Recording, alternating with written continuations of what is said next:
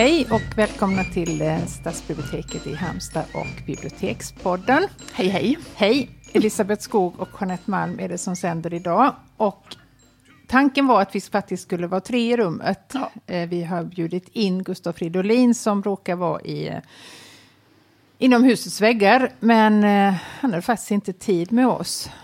Och eftersom vi då hade förberett ett bra program tyckte vi med Gustav så tänkte vi att då kör vi utan. Som om han var här Ja, men, nästan. ja, precis. Och då tänker vi på Ulf Lundell som sa en inställd konsert är också en, eller inställd spelning är Ja. också en spelning. Ja.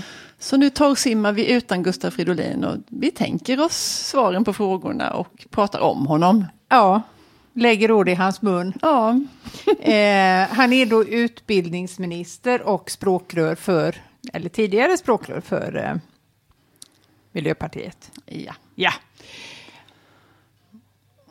Vad vill vi veta? Vad, ville, vad hade vi tänkt att fråga? ja men först så skulle vi fråga så här, varför är du här i Halmstad idag, Gustaf Fridolin? Och då kan jag tänka mig att han skulle, ja men så här någonting, att han skulle säga att han är jätteglad att han är i Halmstad. och Han skulle Ja. säga att det var en av de absolut vackraste bibliotek som han har sett. Ja, ja, självklart. Ja, det, Något annat är inte möjligt. Nej, det är, förväntar vi oss. Men och rubriken för det han ska prata om här ikväll det är En bättre värld är möjlig. Och det handlar om klimatutmaningen som ger oss möjlighet att påverka och förbättra och skapa, eller ja, skapa en bättre värld för alla.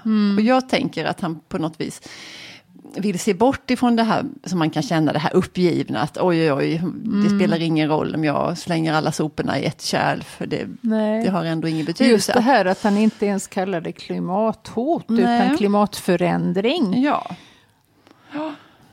Och att vi alla har möjlighet att dra vårt strå till stacken och göra skillnad faktiskt. Det är ju ändå ett positivt budskap. Ja. Att det spelar roll hur vi beter oss och vad vi gör. Och, ja, för oavsett hur vi förhåller oss så kommer det ju hända så då är det väl lika bra att man kanske får lite hopp på vägen. Ja, precis. Och gör något bra. Istället för att ge upp. Vad vet vi mer om eh, vår vän? Vår vän, jo, men vi, Absent friend, Fridolin. Precis. Jo, men vi, bland annat, så vi läste ju på för det här besöket. Och vi började faktiskt med att titta i vår bibliotekskatalog, för vi kände på oss att han figurerar som upphovsman till flera böcker. Och vi hittade ju kanske mer än vad vi hade förväntat oss. Ja.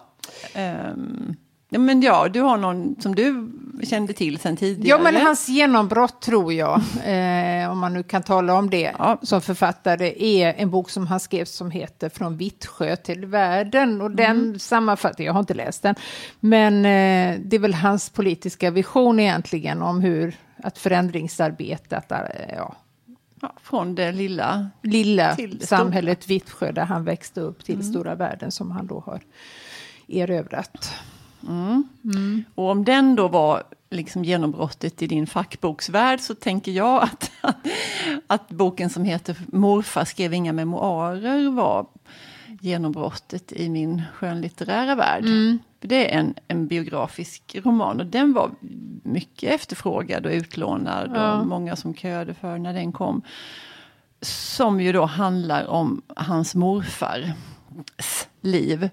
Ehm, och hur han, ja det är flera saker att säga om det, men han gjorde ju en klassresa morfar. Han gifte sig med en person som inte alls kom ifrån samma samhällsklass som han själv och han eh, genomförde sin dröm och startade en herrekiperingsaffär. Ja, Det fanns ett trauma i botten där också, Mm, Ja, kan man väl säga. Precis, att han trodde ju såklart att han växte upp på sin mamma och pappa, som Mm. ju barn plägar göra. Men det visade sig att det som var mamma och pappa efterhand visade sig vara hans mormor och morfar istället. Mm.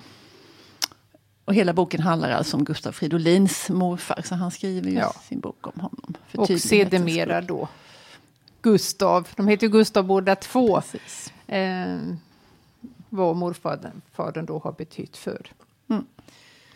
Gustav Fridolin, den Den yngre. precis. Mm. Och sen har han skrivit en bok som heter Blåsta. Ja, den hamnar också på fackboksavdelningen. Mm. Den här är, det är en undersökning av eh, 80-talistgenerationen som han kallar för generation Y. Och de växte ju upp då på 90 och 00-talet.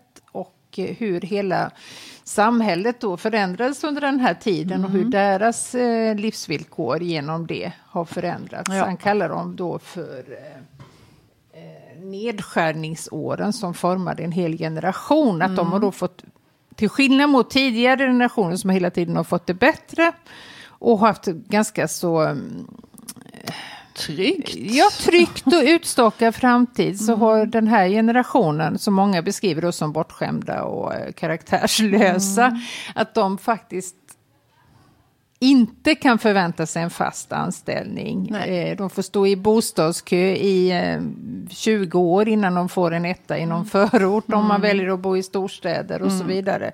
Så det är ett brandtal för egentligen den här generationen som Ja.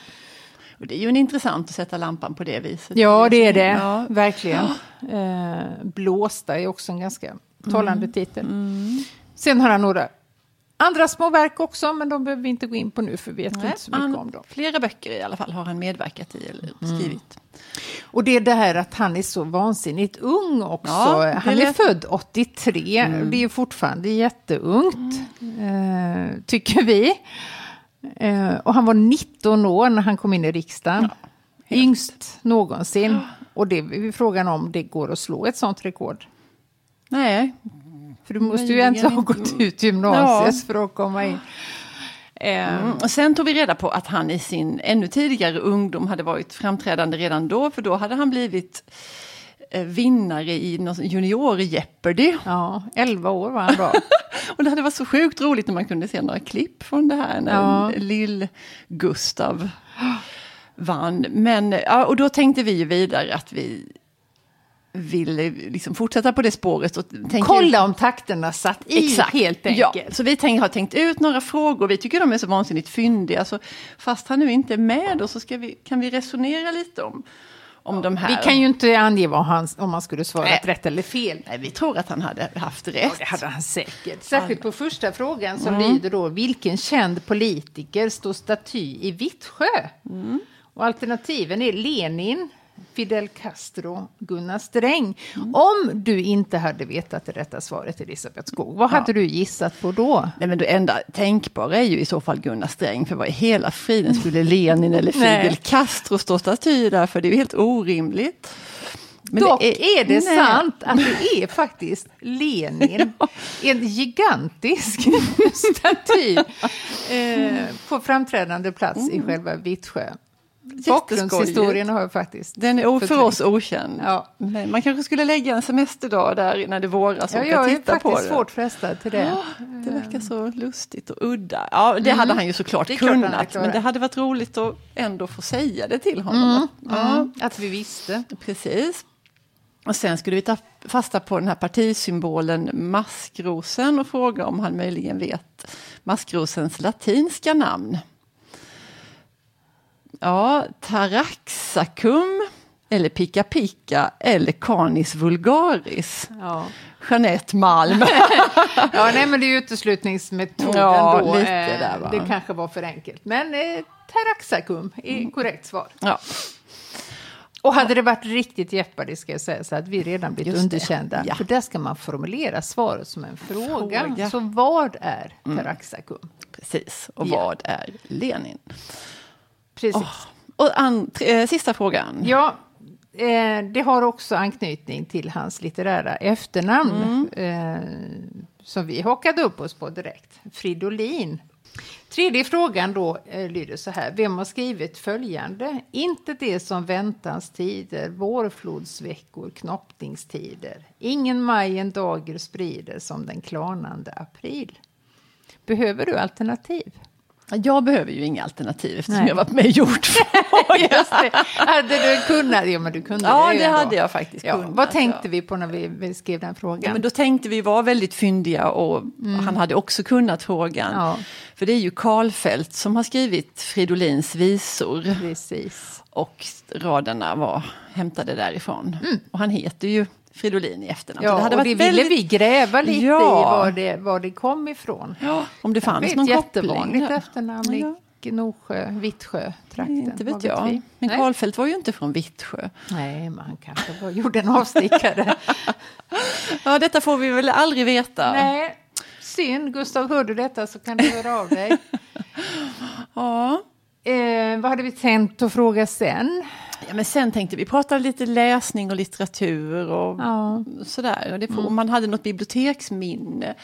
Vi är ju så intresserade, eller förtjusta i att höra om att biblioteken har haft Hur mycket det har betydelse. betytt och. Ja, Men det kan vi inte lägga i Nej. hans mun Nej, faktiskt. så vi får absolut prata inte. om våra egna, vårt eget Ja. läsande. precis. Ska Vad jag läser få- vi? Jag ja. börjar du. Ska jag börja?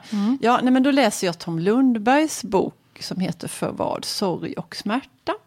Och den är årets projektbok i det här som heter Hela Halland läser, som är en gemensam satsning i hela Halland. Med tanken att så många som möjligt ska läsa samma bok och diskutera boken på olika sätt. Träffa författaren som reser runt så småningom i början på mars. Eh, slutet på februari, början på mars reser han runt till de stora biblioteken i länet och pratar om sin Det bok. ska vi ju prata om också i ett separat program och Ja, gå in lite mer. Det ska vi göra. Men boken, jag gillar den skarpt, jag har nästan läst färdigt den. Jag hade initiala problem, de behöver jag inte gå in på för nu tycker jag uppriktigt mycket om den. Den handlar ju om, om romernas situation på, ja, i början på 70-talet i Sverige. Det var minsann inte så charmigt eller lätt på något sätt. Och det Inte som är det mest... heller. Inte då heller, nej. Nej. Ehm, jag kan inte bedöma hur detta har, om det har förändrats. Men vad som är det mest utmärkande med hela boken det är ju att han använder romska ord. In- Du har snappat upp lite. Jag har gjort det, ja. lite. ja, alltså det, och det finns ingen sådär ordlista, inga ordförklaringar, utan de orden står där och man förstår ju av, Av sam- sammanhanget. ja. Och gör man inte det med detsamma så nästa gång de dyker upp så, Ja. så förstår man dem. Och det är ju en ganska mörk skildring, men väldigt intressant. Mm. Vi återkommer till den. Vad läser du, Jeanette? Jag läser nu tredje delen i Elena Ferrantes. Ja, visst, eh, ja. Det ska väl bli, är det fem eller är det fyra? Fyra. Ja, Neapelkvartetten heter den, så det borde vara fyra. Jag gjorde en skarp analys där. Ja. Eh, Nej, men nu har tredje boken kommit och jag är ju lika förtjust i den som de andra. Hon är helt, helt outstanding. Ja. Mm. Och nu är då eh, väninnorna Lila och eh, Elena mm, vuxna. Och bor på varsitt, i varsin stad och har inte så mycket kontakt. Eller egentligen ingen kontakt alls. Och inte har haft på länge. Men eh, jag har inte läst så många kapitel än så att det kommer säkert. Men du läser med välbehag. Ja, definitivt. Eftersom, ja, Ja. det är något Mm. med det som är riktigt, riktigt bra. Ha, spännande.